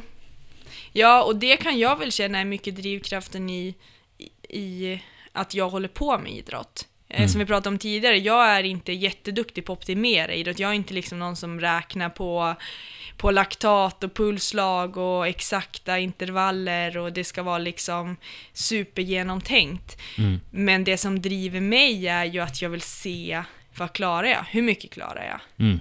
Vad, liksom, vad händer om jag går ett varv till? Mm. Vad händer om Keb hade varit tre dagar? Eh, det handlar väl inte alltid om att jag måste köra ner mig själv på fälgarna, men det är ändå någonstans den här känslan av att bara shit, jag trodde inte jag klarade det där, men jag gjorde det. Mm. Det är en jättedrivkraft för mig. Mm. Ja, men, eh, intressant att höra, det är ju det att alltså, en själv är ju aldrig på den där nivån riktigt, att man pushar sig själv. Det är ju klart man pushar sig själv, men inte på den där Nej, nivån. Men, men det tror jag också är viktigt att känna att den känslan som jag får av att till exempel pusha mig i en tävling, den kanske ligger för någon annan på att bara ta sig ut och springa två kilometer. Mm. Att det är liksom, jag tror att vi idag värderar så mycket mot vad andra gör och tänker att ja, men då räknas ju inte mitt för att det är ju någon som gör det mycket värre. Och det Mm. kommer alltid vara så. Mm. Då, då skulle ju liksom ingen kunna vara nöjd med det man gör. För Nej. att det finns ju alltid någon som gör mer eller värre eller... Är bättre. Ja. än- Ja, det är eh, jättebra tänkt det där. Men efter um, den här Keb-klassikern och så åkte ni tillbaka då till Duved och fortsatte med någon ny tävling eller vad, vad hände då efter tävlingen? Ja, nu går ju Cape Classic på vårkanten. Så eh, det var nog ganska färdigt med skidor för den säsongen. Mm. Eh, men för mig blev det ju att till nästa säsong så for jag och skulle köra tävlingar i Europa. Mm. Så det blev ju väldigt liksom snabba kast. Direkt så blev man inkastad i någon världscup där och återigen för att Emily sa att jo men du kan. Jaha, jo. Ja. Kan Men- kan man väl liksom. Hade du då redan börjat åt, eh, åt landslaget eller vad fanns landslag i det här då? Nej, det är väl det som har, vi har fått vara med och driva upp lite grann. Att det skulle bli ett landslag. Eh, och få sporten att växa. Och det har varit väldigt roligt. Mm. Eh, så att då var det väl mer sådär, och så är det väl lite fortfarande, att man visade intresse och ville vara med. Men nu finns det väl mer struktur kring att ja, men för att få stöd måste du ändå prestera så här pass bra. Liksom. Så jag Mm. fick följa med på den där tävlingen och tror att jag betalade det där själv. Mm. Eh, så det var ju liksom, ja, för att man ville Mm. fara på semester typ. Mm. Men det var ett EM. så, ja. Konstigt. Ja men alltså det är, det är som Onor också som har varit med här tidigare i vloggcast. Han, eh, ja styrkelyfter, han kör strongman. Mm. Och han har ju också betalat i princip alla hans tävlingar Ja. själv tills idag. Ja. Men eh, eh, innan du började med eh, det här Europamästerskapet så du började även springa då på sommaren va? Ja, ja jag gjorde även en eh, halvmara på under fjällmaratonveckan. Alltså intressant också val utav sträcka. Ja, men vi kör en halvmara. Ja, precis. Och jag kommer ihåg att jag köpte dagen innan, för man var tvungen att ha massa obligatorisk utrustning med sig, så jag köpte en sån här äh, midjebälte och Mm. tänkte att det var ju jättebra att springa med, men jag satt två flaskor där bak. Tills jag kom till starten och bara, alltså det är ingen som hade en sån. Jag bara, vad fasiken. Alla hade såna löparväskor. Och jag förstod varför. Nej men det var ju värdelöst. Det bara skumpar ju runt höfterna. Så fort man hoppar över en sten så kommer ju den där flaskan och liksom, nej. Så jag förstår varför man ska ha en löparryggsäck i alla fall. eh, men ja, så där började det någonstans med löpningen och jag... Men du, körde, du gjorde ganska bra ifrån dig på Åre fjällmaraton. Halvmaran, ja, ja det gjorde jag. Jag blev tvåa. Eh, och eh, gick väl för första platsen men alltså jag, eh, sista kilometern så ledde jag, men jag gick på toaletten. Jag, jag klar, ja, men just där och då klarade jag inte att vinna. Alltså var det, var det för att du var så kissnödig eller var du... Alltså bara du, du ville inte, eller du kunde inte vinna eller? Nej, jag kunde inte vinna. Ja, det var liksom så där känslan av att nej men jag kan ju inte det här. Jag ska inte vinna. Sen är det ju alltid så här, ja men det är klart jag var trött. Det var inte som att jag gick där och det är klart att ja, men en liten skön paus i skogen kan ju vara trevlig. Men alltså om man kollar på det nu liksom så var det ju inte ens i närheten av hur trött jag kan ha varit liksom. Ja, ja, nej. Eh, Utan det var nog en ganska så här, äh, ja men skydda sig själv lite grann. Mm. Det är så imponerande att du först kör en Keb Classic som första liksom eh, skimolopp. Mm. Och kan jag Mm. vet inte hur pass långa sträckor du har sprungit då innan. Men alltså första loppet inom det här, alltså liksom springa i, i bergmiljö Ja. eller fjällmiljö, är en halvmara.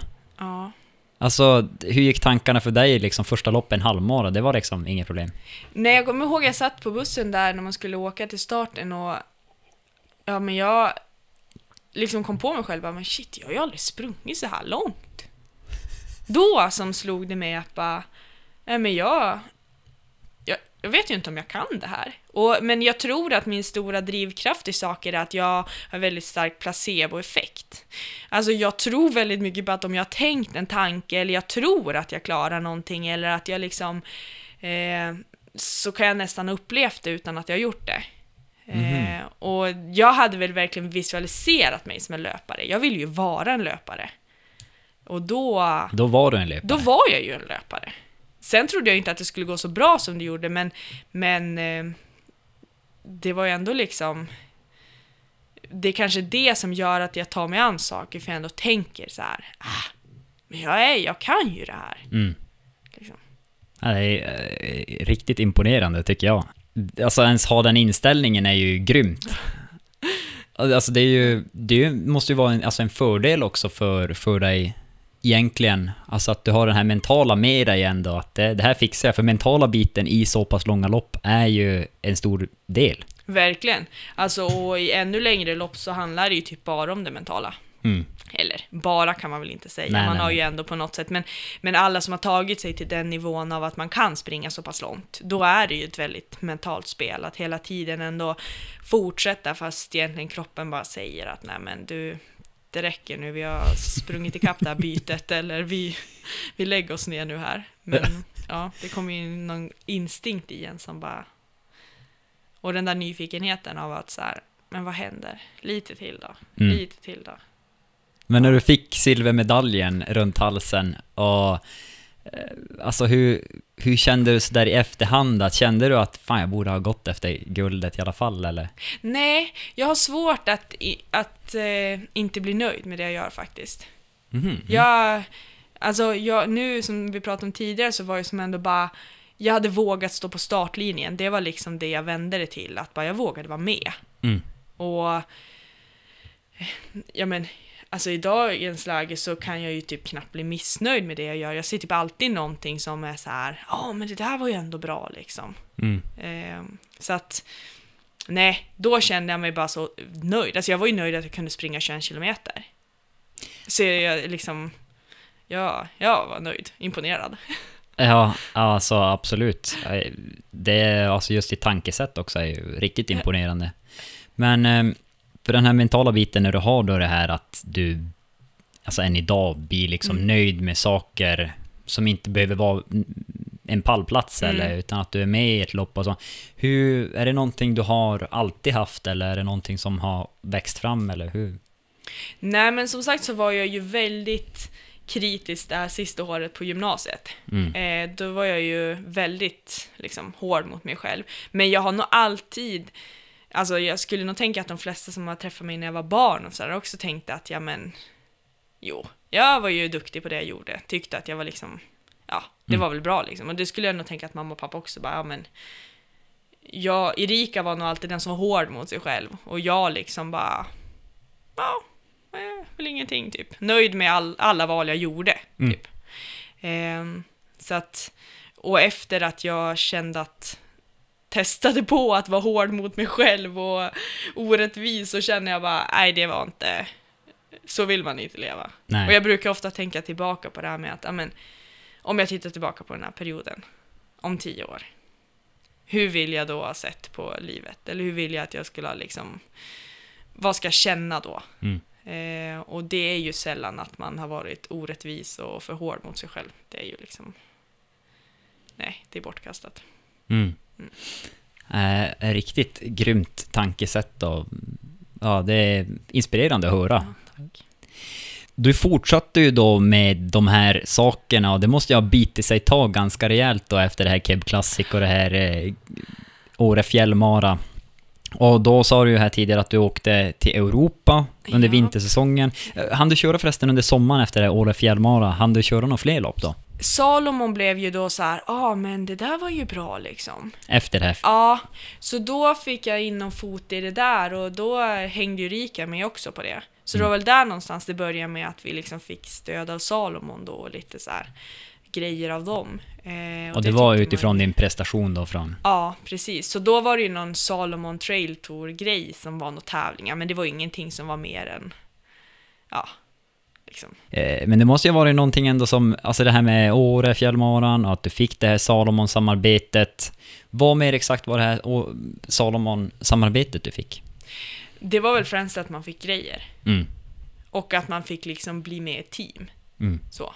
Eh, generellt kan man ju känna det att det är ju, är ju väldigt svårt att få ut pengar av sponsorer. Det märker man ju ju mer man har blivit. Först tyckte man ju att man fick ett hårband av ett märke och så tänkte man åh yeah, oh, nu jäklar, nu, nu går det bra liksom.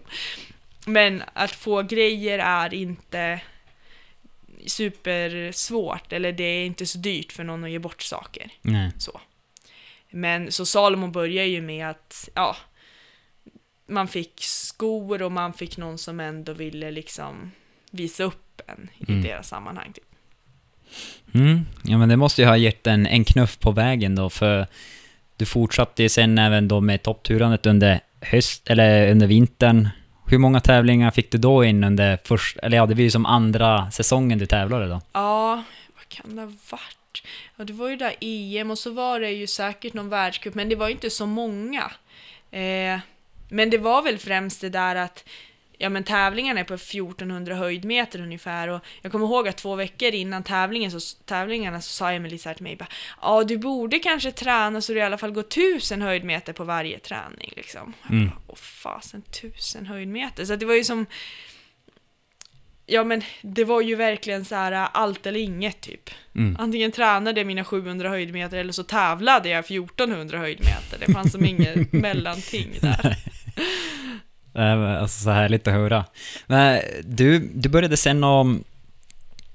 Eh, du tog det här lite ett steg vidare då egentligen och, och eh, du började säsonga uppe i Kebnekaise fjällstation. Yes.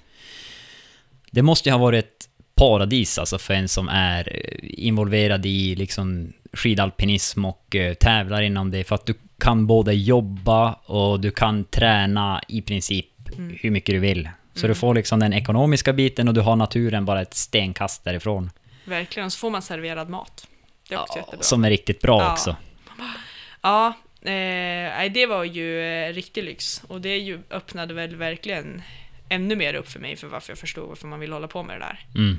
Eh, Och sen har man ju bara, fast man har ju märkt det, att det är många som jobbar på fjällstation som inte ens har varit uppe på toppen. Så man behöver inte vara entusiast bara för, naturentusiast bara för att man är där. Nej, Eh, Men för inte. mig blev det ju verkligen att jag insåg att det var lättillgängligt. Mm. För det fanns ju må- väldigt många duktiga där som är liksom guider och det var ju bara att hänga på liksom. Det fanns ju ändå många som ville ut och tura liksom. Mm. Möjligheterna var Ja. mycket som helst. Verkligen. Eh, så det, ja, det var ju en frihet. Mm. Alltså, Kebne fjällstation, det är ju verkligen...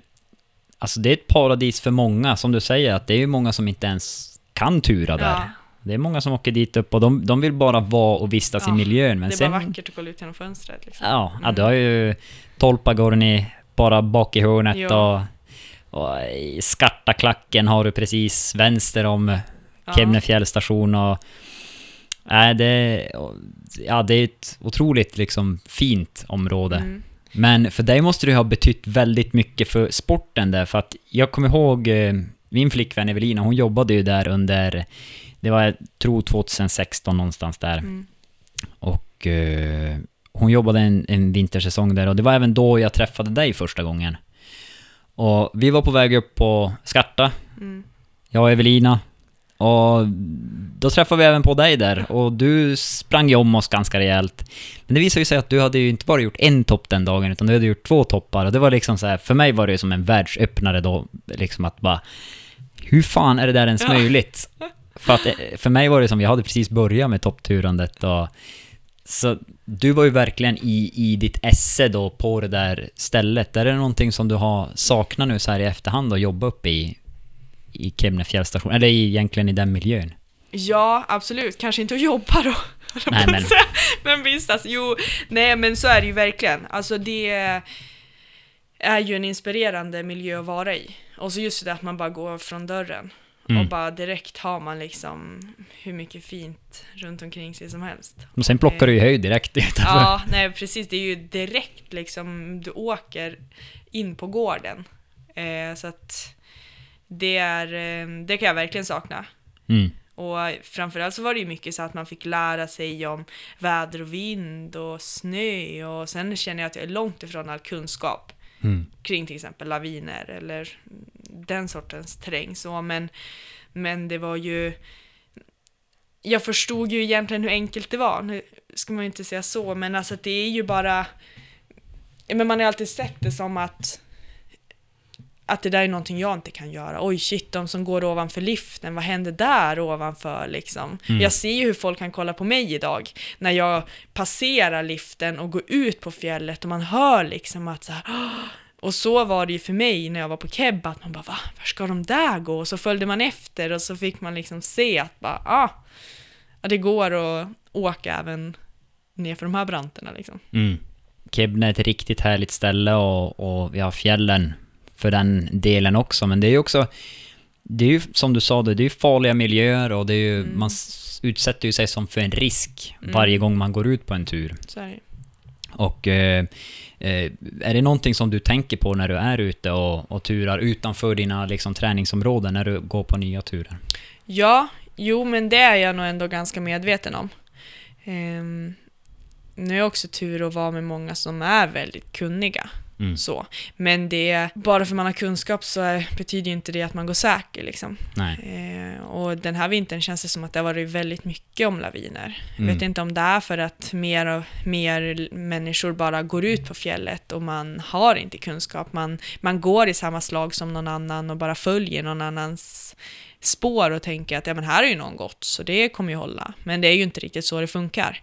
Ja, men det är en risk man är medveten om, men jag skulle ju inte, alltså jag tycker inte att skidåkningen är så pass mycket värd att jag skulle åka ett åk som jag känner är sketchy bara för att jag vill ha ett bra åk. Mm. Du, du gillar kanske turen mer uppförs än vad du gillar nerförs? Ja, precis. Om man ser mina skidor så förstår man att det är så. Ja, jag har faktiskt provat åka på ett par sådana där. Jag har till och med inte knäckt ett par tävlingsskidor, men knäckt ett par Ja. lätta skidor och Mm. då förstår man varför det inte är så roligt att åka med dem. Nej, det är mycket elva bara rakt ner. Ja. men det är också lite alltså, imponerande, alltså just den här elvan som många pratar om med, i och med att det är ju en tävling och på Ja, tid. mm. Ja, det finns något klipp från senaste världscuperna som var nu den här säsongen. Alltså när det kommer en italienare som åker ut för. Alltså man tror att de snabbspolar och de hänger ju bara bak i eh, pjäxskaftet och det är bara upp med skidspetsen och det studsar och far. Men grejen är ju så lätt så man orkar ju liksom om de sticker lite grann så orkar man ju hämta hem det igen. Ja, Det gör det ju inte om du har tunga skidor så då måste du ju ha kontroll hela tiden. Liksom. Nej, precis. Att, ja. men, men det bra är ju att grejerna går sönder före man själv. ja. Eh, men det, det, det kan ju hända att det går paj och... Ja, så är det ju. Men det är få knäskador faktiskt. Det är inte alls som i alpint ju, det är ju verkligen inte... För man sitter ju inte lika hårt och det är inte alls på samma sätt. Nej. Men eh, alltså, om vi nu fortsätter spinna vidare på din utrustning, hur mycket väger dina grejer? För att de, du nämnde att de är lätta och Mm. ett par vanliga turskidor är ju, de känns ju fortfarande. Jo, Men hur lätta är, alltså, kan du programmet hur tunga eh, ja det finns ju regler för hur lätt det får vara. Om det är att det får vara 650 gram per skida Mm. på dam, för damer, Okej. så 650 gram då. Men jag, men jag tror att mina väger typ 710 gram eller något sånt där. Jag kände just på dina pjuckor, och de, Ja. eller pjäxor, de är inte tunga. Nej, full karbon bara. Alltså, ja, det är skithäftigt. Att det, och det handlar ju verkligen om, det är först upp, först ner. Ja, Och för er som inte vet vad en 11 är, det är störtlopp. ja precis. När man vänder sig bakåt, då ser man en 11 ja, där man har åkt. exakt, det är en bra förklaring på det hela. Men eh, om vi fortsätter på hur det är egentligen idag då. Idag driver du ju ett företag Ja. själv, eller med din syster. Du är involverad själv i det, men du Ja. driver det med din syster. Mm, Och du håller på med dina sporter då, mm. skidalpinism och eh, skyrunning och trailrunning. Yes. Kan du berätta lite mer om det här företaget ni driver och vad det är ni gör i ert företag? Ja, vi har ett företag som heter Find a Trail. Eh, och det har handlat om eh, guidning och löpning och, och eh, få visa upp naturen för människor. Mm. Har det varit någonting som har, du har haft i åtanke länge eller är det någonting som har kommit på senast att du vill sta- faktiskt starta ett eget företag? Ja, men när man lägger ner liksom 800 timmar per år på att träna Mm. så får man ju en erfarenhet som man inte kan få på något annat sätt. Det går ju Mm. liksom inte att läsa en bok eller det går ju inte och du måste ju få känna känslan. Mm. Och det var kanske det både jag och Erika kände att så här, ja men vi har ju den här kunskapen. Mm. Vi har ju den här kunskapen av att gå ut två gånger per dag i vilket väder det än är. Mm. Vi har ju liksom, vi har ju gjort det här nu och hur, hur kan man dela med sig om det till andra? Mm. Eh, så då kändes det som ett väldigt enkelt sätt att få, få använda min erfarenhet och kunskap till att få andra att komma ut. För det är framförallt det också, att Mm. jag vill ju att andra ska förstå hur fantastiskt det här är Mm. och hur bra det är att röra på sig. Bra idé på alltså, att utnyttja sin kunskap och sina erfarenheter, absolut. Roligt att ni har startat företaget och hoppas det går bra att ni får eh, fortsätta och Inte göra... med deklarationen, så om det finns någon duktig eh, som kan deklarera så söker jag någon sån. Alltså bokföring och deklaration, det är... Hur svårt som helst. Jag kan springa, inte deklarera. Men det är en intressant, jag hade en konversation om det idag och det är ju faktiskt, alltså, det är ju ett till jobb du har som företagare. Ja, du ska vara duktig på det du gör Mm. och sen ska du vara, kunna, Mm. kanske i. i början, men sen är det ju sånt man får ju, du får ju helt Jo. enkelt delegera eller ge, sälja ut de tjänsterna helt enkelt och få någon som gör dem åt dig då, men det, då måste man ju kanske ha fått den rullningen på fartyget innan man Jo, innan det är värt de pengarna. Mm. Men, äh, men skitkul. Det ska bli roligt att följa ert företagande och se hur, hur ni utvecklar det och Mm. vars det tar sig helt Mm. enkelt. Men om vi går in på det här turandet och, din, eh, och springandet igen. Har du koll på hur långt du turade och sprang 2018? Och hur många höjdmeter du plockade? Oj, oj, oj. Ja, men alltså, jag vet att jag gjorde någon sammanställning på det där. Eh, och jag, fast jag kommer ihåg att jag gjorde en sammanställning på hur mycket jag hade tävlat under förra säsongen. Om det var över eh, typ upp mot 70 mil, som jag hade bara tävlat. ja, och då är- tycker jag ju ändå inte att jag tävlar jättemycket liksom. Eh, så där någonstans ligger det ju tävlingen då. Sen vet jag inte hur mycket det, det är ju rätt mycket träning runt omkring där. Nu vet jag bara att jag sammanställde när vi var i Ting i tre veckor på träningsläger på, med skimon. På tre veckor hade jag gått dryga 40 000 höjdmeter. Så, och då är Ting på 2000 höjdmeter för, så att det är liksom hög höjd man tränar på också.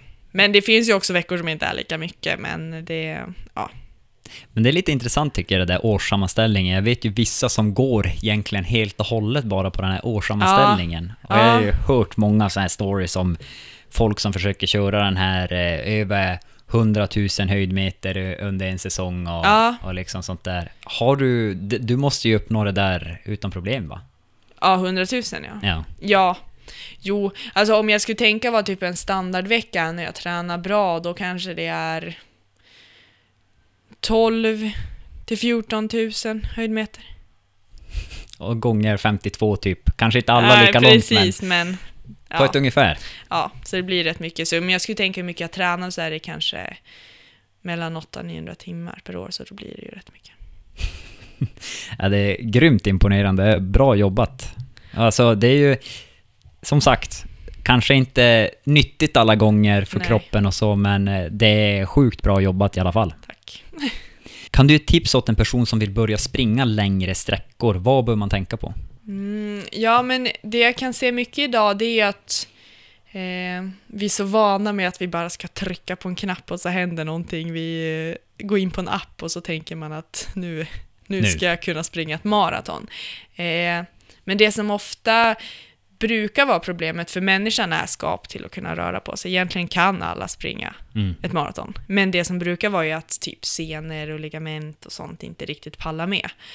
Eh, så mitt tips skulle väl vara att alltså, trappa upp lagomt. Eh, var liksom inte för sugen i början som man tappar, utan känn ofta, de här första passen ska ofta vara så här, oh, jag hade ju kunnat sprungit mycket längre. Sen om det mycket längre hade varit 500 meter, det spelar ingen roll, men eh, känna att man liksom ändå stegrar det lagom. Och en bra idé kan vara att man springer och så går man en bit och så springer man och så går man. Eh, det tycker jag är ganska bra för att ändå få tiden att vara ute. För vill man springa långt så är det ju oftast att vara ute länge som kroppen måste träna på. Du behöver ju inte träna löpskolning på det sättet för att du kommer inte ha ett skitbra löpsteg. Du har ju aldrig sett en ultralöpare med bra löpsteg. Det finns inte. så att det gäller liksom bara att kroppen ska orka vara mm. ute. Eh, och det bästa tipset är väl egentligen att tycka att det är kul. För då blir det av. Nej, grymt tips det där.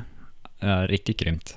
Men om man tänker då på ski mountaineering och, och skidalpinism, mm. topptura, alltså det är ju rätt dyra sporter. Ja. Med springa behöver du ett par löpskor, sen är det mm. liksom fine.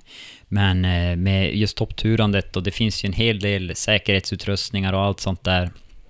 Men hur tycker du man bäst kommer igång om man vill börja topptura och hålla på lite med skidalpinism? Ja, alltså jag tycker att det är eh, viktigt att känna så här, ja men vill jag topptura eller vill jag hålla på med att det ska gå mer åt racehållet? Och vill man att det ska vara mer åt racehållet, då ska man ha grejer som väger under ett kilo liksom. För att man ska få känslan av att gå på lätta grejer liksom. Mm. Eh, nu har det börjat komma väldigt mycket, liksom second, alltså andrahandsmarknaden har ändå mm, liksom börjat blomma lite grann. Mm. Eh, men det är som du säger, det är dyrt att köpa nytt. Eh, men ofta kan det ju vara så här, ja men testa låna någons grejer. Känn så här, ja men var det här någonting? Det? Ja, vill jag hålla på med det här? Tyckte jag ens att det var liksom lite njutning i det här? Mm. Så, så vet jag också att det finns ju många butiker nu som börjar ha så de hyr ut lätta grejer. Mm. För förut var ju det som var problemet, det fanns ju inte ens att hyra. Eh, men nu vet jag att det är väldigt många butiker som ser till att ta in det. Så att hyr några gånger och så får man känna om man tycker det är värt det. Mm, ja, det är en smart idé. En riktigt smart idé faktiskt. Ja, det är många som faktiskt köper på sig grejerna. Alltså, nu, ja, alltså en helt okej okay, bra utrustning, det är ju från, och börjar man från starten och inte ha någonting, ja. det är ju nästan 20 000. Ja, det är det. Det är mycket pengar. Ja, alltså visst, allting kostar ju, så är det ju, men eh, sen kanske man inte alla gånger behöver lägga ut 20 000 för att få prova på någonting, Nej. så att säga. Nej, det är ju faktiskt så. Så att, eh, nej men börja med att hyra och låna ihop och det vet jag ju var väldigt, alltså jag har fortfarande väldigt många kompisar som är så att man får lappa ihop för att någon ska få testa och nu är, ja men nu börjar det ju vara många som har, som köper på sig för att de har insett att, ja men jag tycker att det där är Mm. en rolig och härlig grej. Mm. Det är bra tips det där med att hyra. Eh, Men när man ger sig ut i naturen på löptur, vandring eller om man ska topptura som vanlig person eller vanlig Mm. motionär. Vad rekommenderar du att man ska ha med sig mentalt eller i utrustningsväg? Ja men eh, man ska ha med sig lavingrejer. Eh, och då är det ju transceiver och spade och sånt. Mm. Och man ska kunna de grejerna. Man ska förstå varför man har med sig dem. Mm. För att man är inte säker bara för att man har en lavinsändare på sig. Det är liksom ingenting som betyder att man kom, vet hur man använder den då. Eh, så det tycker jag är väldigt, väldigt viktigt. För det är som vi pratade om tidigare, att ja, men det har skett väldigt många fler olyckor. Mm. Och det är väl för att man tänker att man tog på sig en transceiver och ja, då klarar man sig liksom. Nu är det lugnt. Ja, men tyvärr är det inte så. Eh, så det är väl mest bara en pekpinne så här. Ja, kan grejerna. Du ska kunna liksom hur du Mm. söker. Eh, sen mentalt så är det väl eh, Ja men där är ju också både kunskap om att kunna läsa terräng. Mm. Eh, för man är väldigt utsatt. Men eh, ibland kan det ju också bli liksom Far du till Storulvån och så går du getryggen, där går ju alla den back, alltså den liksom, det, det är inga problem, så man behöver inte liksom vara hur orolig som helst. Eller det ska ju inte vara att du går två timmar och är nojig, Nej. för då kommer det inte heller vara lustfyllt liksom. nej, nej, nej. Man måste hitta sina gränser och välja sina turer så att säga. Precis. ta ett steg i, sänder så att säga, så att man kanske själv utsätter sig för den, de riskerna man klarar av att hantera, både mentalt och kunskapsmässigt. Verkligen. Och sen får man ju komma ihåg att ja, men även om prognosen säger att det är solsken, så är det ingenting som säger att det kommer vara solsken hela dagen. Och att man känner sig trygg i sådana situationer också. Mm. Eh, det är, men det är ju också det som är spännande. Det är ju därför man gillar att vara ute i naturen. Fjällvädret Ja. är, det är, det är häftigt. Det är verkligen häftigt och fostrande och utvecklande. Alltså bara, det finns ju inget så utsatt som när man står där och bara drar igen och man känner ja men den enda jag kan förlita mig på är mig själv. Liksom. Mm. Det, ja, det är fränt. Mm, absolut. Vi pratade ju lite här om hur eh, dina kostvanor och sånt där under eh, tränings och tävlingsperioder Mm. är. Men hur skulle du rekommendera åt, att man äter åt personer som tränar aktivt men som kanske inte har så bra kostvanor och kanske vill bli bättre på det? Ja, men eh, man ska ju se maten som en eh, kraftkälla. Alltså maten är ju det som ska göra att man orkar vara ute. Och Mm. det man får tänka är så här, ja, men av vilken kvalitet vill jag kunna röra mig med? Mm. Eh, vilket bränsle vill jag ge till kroppen? Eh, och det som är bra när man tränar och rör på sig mycket är ju att ja, men ju mer energi du får in kommer du ju kunna få ut liksom. Så Mm. man behöver ju inte vara så noggrann med, med exakt hur mycket man äter eller så. Nej. Men att ha en bra, bra grund och bas, för det tror jag verkligen på. Jag tror att äta så mycket rena råvaror som möjligt, både för att det är bra för miljön, att vi inte håller på med liksom mycket processad mat och långa transporter och sånt. Eh, Men just för prestationen så är jag nog inte den bästa att ge tips eftersom jag tipsar om den här tarm, tarmboken. liksom. Jag är mer inne för tarmludd och signalsubstansen för kolhydratkällor typ. Mm. Ja. Ja men alltså det är ett synsätt på kosten också. Alla har väl, eh, alltså det finns ju många olika synsätt på vad att äta bra är, men det finns ju väldigt enkla sätt att dra en, en dålig kost och liksom... Många har ju det här med snabbmat, att det är... Ja. Det är liksom någonting som man slänger i sig bara för att få någonting i magen, men Mm.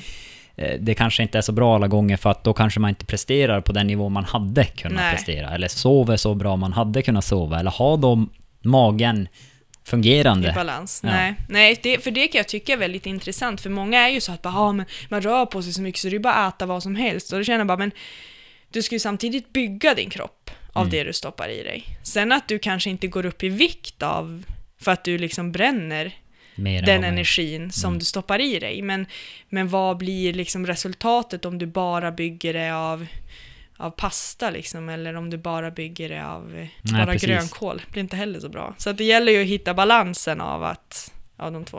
Mm. Eller inte bara två, utan av alla faktorer. Mm. Nej, alltså det är alltså riktigt bra tips genom hela och du har ju, alltså nu har vi bara gått in på några få utav de tävlingarna du har faktiskt genomfört och Bara mina plumplopp! eh, andra platsen var ju ändå, det var ju lärorikt för dig. Ja, det är sant. Det är Då sant. såg du att du kan faktiskt ja, vinna. Ja, precis. Det gäller ja, bara jag har faktiskt vunnit Kia fjällmaraton nu. Det var ju roligt. Ja, det är en Ja. värd detalj att nämna. Och, och vi nämnde inte Kia fjällmaraton utan vi nämnde Åre fjällmaraton här tidigare, men det är samma lopp då med andra ord. Ja, det är under samma helg liksom. För, men nu har de ändrat så mycket där så det går eh, lite olika bansträckningar då. Mm. Men liksom den stora var ju liksom fjällmaran. Och sen så finns det massa lopp runt och då sprang jag ju 21 kilometer. Mm. Men i år fick, eller ja 2018 då, så fick jag vinna fjällmaran och det var ju liksom mäktigt för det var verkligen det loppet som man har sett som sitt första lopp som bara Det är ju lite "Wow, på det där hemmaplan." springer folk liksom, att de ens klarar det där och så. Mm. Ja, ja, så det var väldigt roligt. Ja, sen just att det är på hemmaplan också. Det är, ja, det är Årefjällen.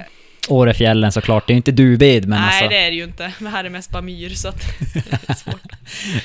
Men om vi skulle summera det här med vad är det bästa med det du gör idag, enligt dig? Det är att jag har ett sånt fritt liv. Att jag kan eh, vakna på morgonen och så kan jag sträcka på benen och känna mm, hur långt orkar de idag? Eh, och så får jag eh, rätta dagen efter vad, vart min energinivå är. Mm. Det är eh, otrolig frihet. Det är eh, värt att leva lite knapert för tycker jag.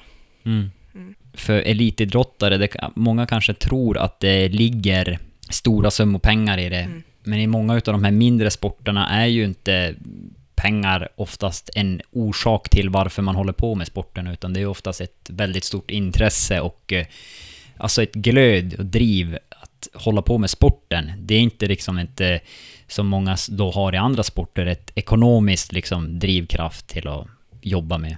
Nej, verkligen inte. Det var en kvinna idag i backen som stannade mig och sa så här, ja hon, hon gav eh, en komplimang till att jag gick upp och ner för backen och förstod inte vad jag höll på med. Och så sa hon så här till ja ah, jo men jag förstår att det ligger jättemycket jobb bakom för jag har en dotter och hon håller på med elitidrott, hon håller på med golf. Och då tänkte jag bara, ja hon valde ju rätt sport i alla fall, hon har ju nog pengar att tjäna. Själv här så trampar man och kommer inte få en krona. Men så tänkte jag ändå när jag gick där i solsken, bara, fast jag är ganska nöjd ändå med att det här är liksom några timmar på jobbet. Ja, jag, jag tycker du har eh, ett väldigt, väldigt givande jobb måste jag säga. Och såklart, det kommer ju inte gratis det heller. Det är ju ett jobb så att säga och du måste träna för att kunna vara på den nivån du är. Ju. Men jag brukar säga om topptur faktiskt själv, att det ger tre saker till mig. Ja. Det ger mig träning upp först. Mm. Jag har utsikt och liksom belöningen uppe på toppen. Och jag har skidåkning ner först. Så att Mm. det är liksom, ja, det är tre saker utav... Tre saker jag gillar helt enkelt och som står mig nära. Så att topptur har ju varit verkligen, när jag hittade den sporten, Ja, så var det någonting som liksom bara, oj. ja, det är en frän. Och så kommer du hem och är hungrig. Det är en jättebra bonus. Ja, det är en grym bonus. Ja. Nu har vi pratat då lite om eh, ditt liv egentligen från eh, högstadietiden och eh, gymnasieåren tills idag. Och eh, du har ju hunnit med en hel del lopp och hunnit springa en hel del höjdmeter och en hel del sträckor. Men för att ta dig, för att du har tagit dig dit vars du är idag, har du brukat vända dig då till någon när du har liksom haft svåra eller tuffa beslut att ta? Har du haft en mentor eller ett bollplank under din träningsperiod?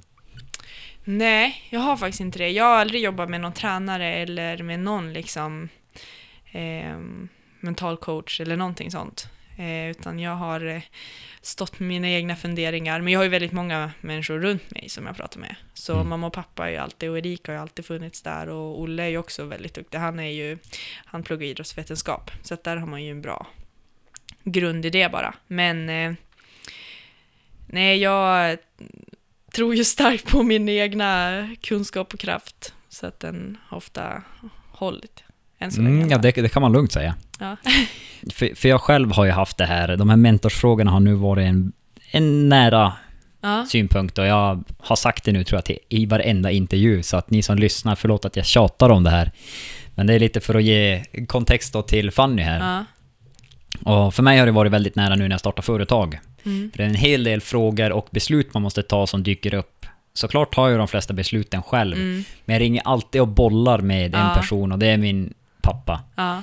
som har varit liksom bollplank. Och nu på senare tid så har det även blivit min farbror och, och Evelina har ju såklart och min flickvän har ju varit en stor del i det hela det också. Mm.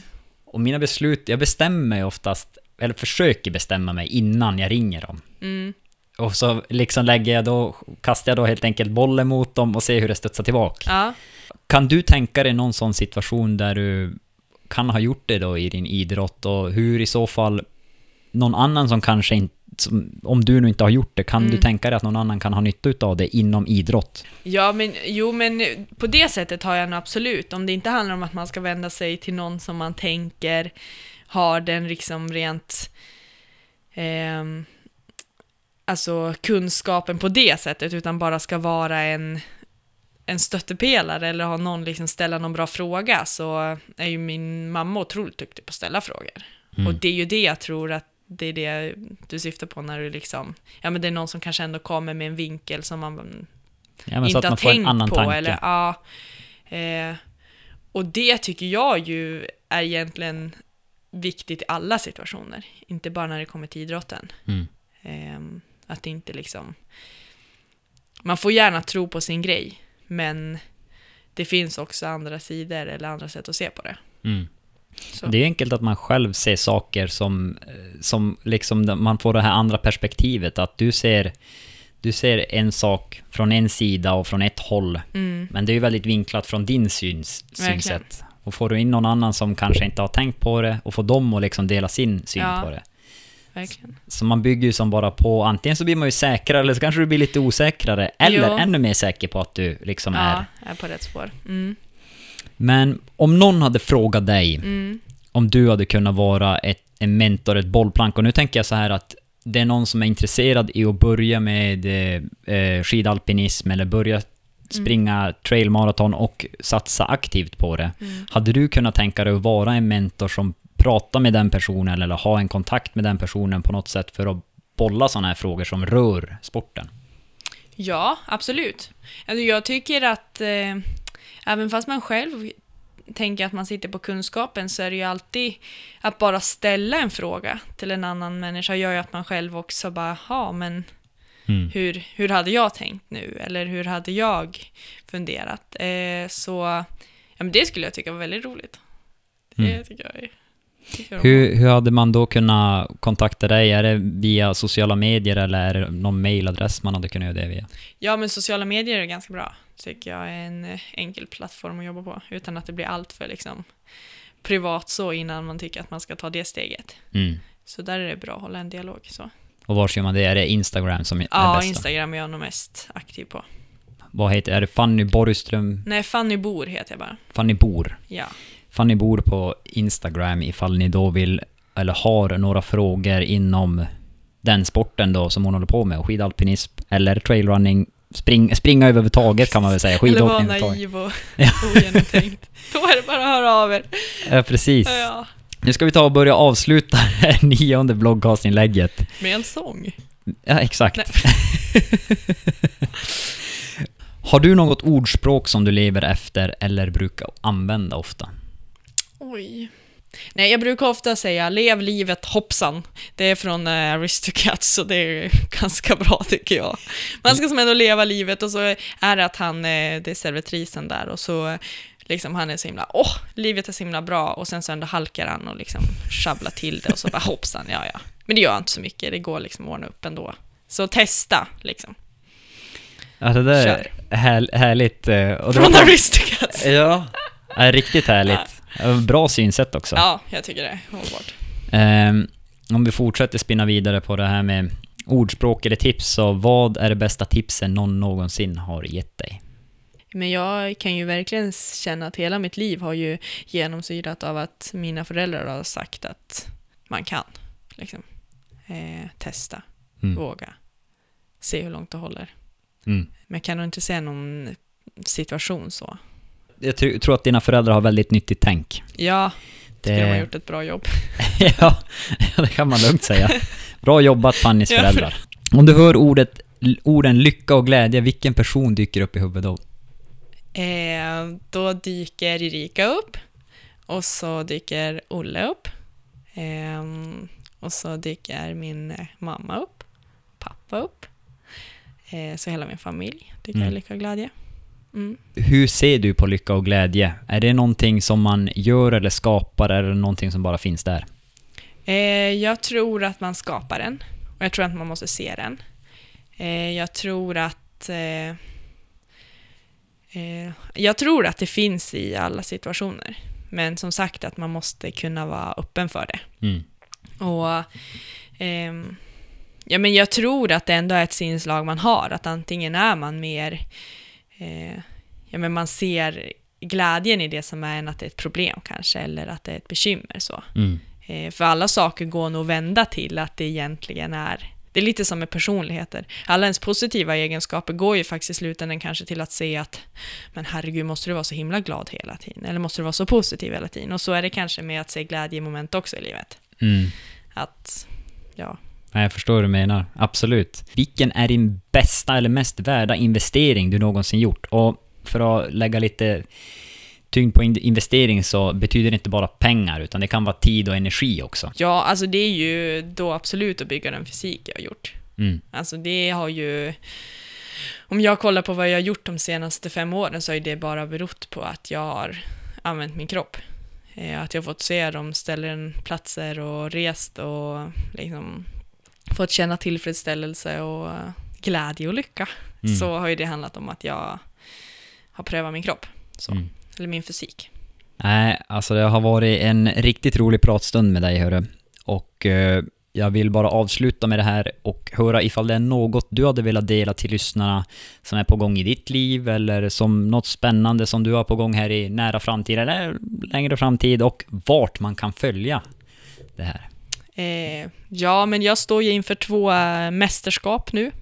Så jag ska på VM eh, i Schweiz och då är det med skimon då. Mm. Och sen i eh, juni så är jag uttagen till att springa Ultra Trail VM. Så då är det löpningen som gäller att ha tränat upp löparbena fram tills dess. Så det är väl två utmaningar som ligger mig ganska nära just nu, men ändå eh, känns som att jag har lite tid att bygga på. Eh, och det kan man följa då. Jag är som sagt mest aktiv på Instagram och tycker det är en rolig plattform att jobba på. Jag tycker att det är eh, roligt att sprida inspiration och jag hoppas att folk inser att all sanning ligger inte där. Att Man måste ha lite ett filter på när man kollar. Man ska kolla där för att det ska inspirera en till att göra roliga saker eller ta sig ut eller att liksom motivera en. Ja, du, har- du har en, eh, en grym Instagram, så jag tycker verkligen att man ska följa den, för att där får man se berg och platser som eh, många förmodligen aldrig kommer få se heller. så att eh, gå in och följ Fanny där och jag kommer lägga länkar i utvalda länkar från bloggcastinlägg 9. Tusen tack Fanny för att du tog dig tid att vara med här och att jag fick se din sjukt fina boning. Alltså jag är superimpad. Och ut, utsikten, alltså jag, nu har jag tjatat om det här nu, jag vet inte hur många gånger men du bor verkligen jättefint. Ja, men tack så mycket. Och lycka till med tävlingarna och lycka till med företaget och allting och jag hoppas det går skitbra. Eller säger man kanske break a leg, eller hur ja, är det man säger? precis. Ja, det är ju frågan det där om det är som är jaktlyckan eller hur man ska, om man inte ska önska någon lycka till när det kommer till tävling. Ah, jag, jag gör det ändå, lycka ja, till. tack så mycket. Jag tror på det. Tack för att du tog dig tid. Ja, tack. Hej. Det här var då det nionde bloggcastinlägget. Stort tack till Fanny Borgström och tack till dig som lyssnar på Bloggcast. Glöm nu inte att prenumerera på Youtube-kanalen Hjalmar Andersson, där nya saker för Bloggcast kommer börja dyka upp väldigt snart. Har du några frågor och funderingar eller någon person som du skulle vilja höra i Bloggcast? Skicka dessa till Bloggcast på Instagram, Facebook eller Twitter. Ha det så gott nu. Hej! Thank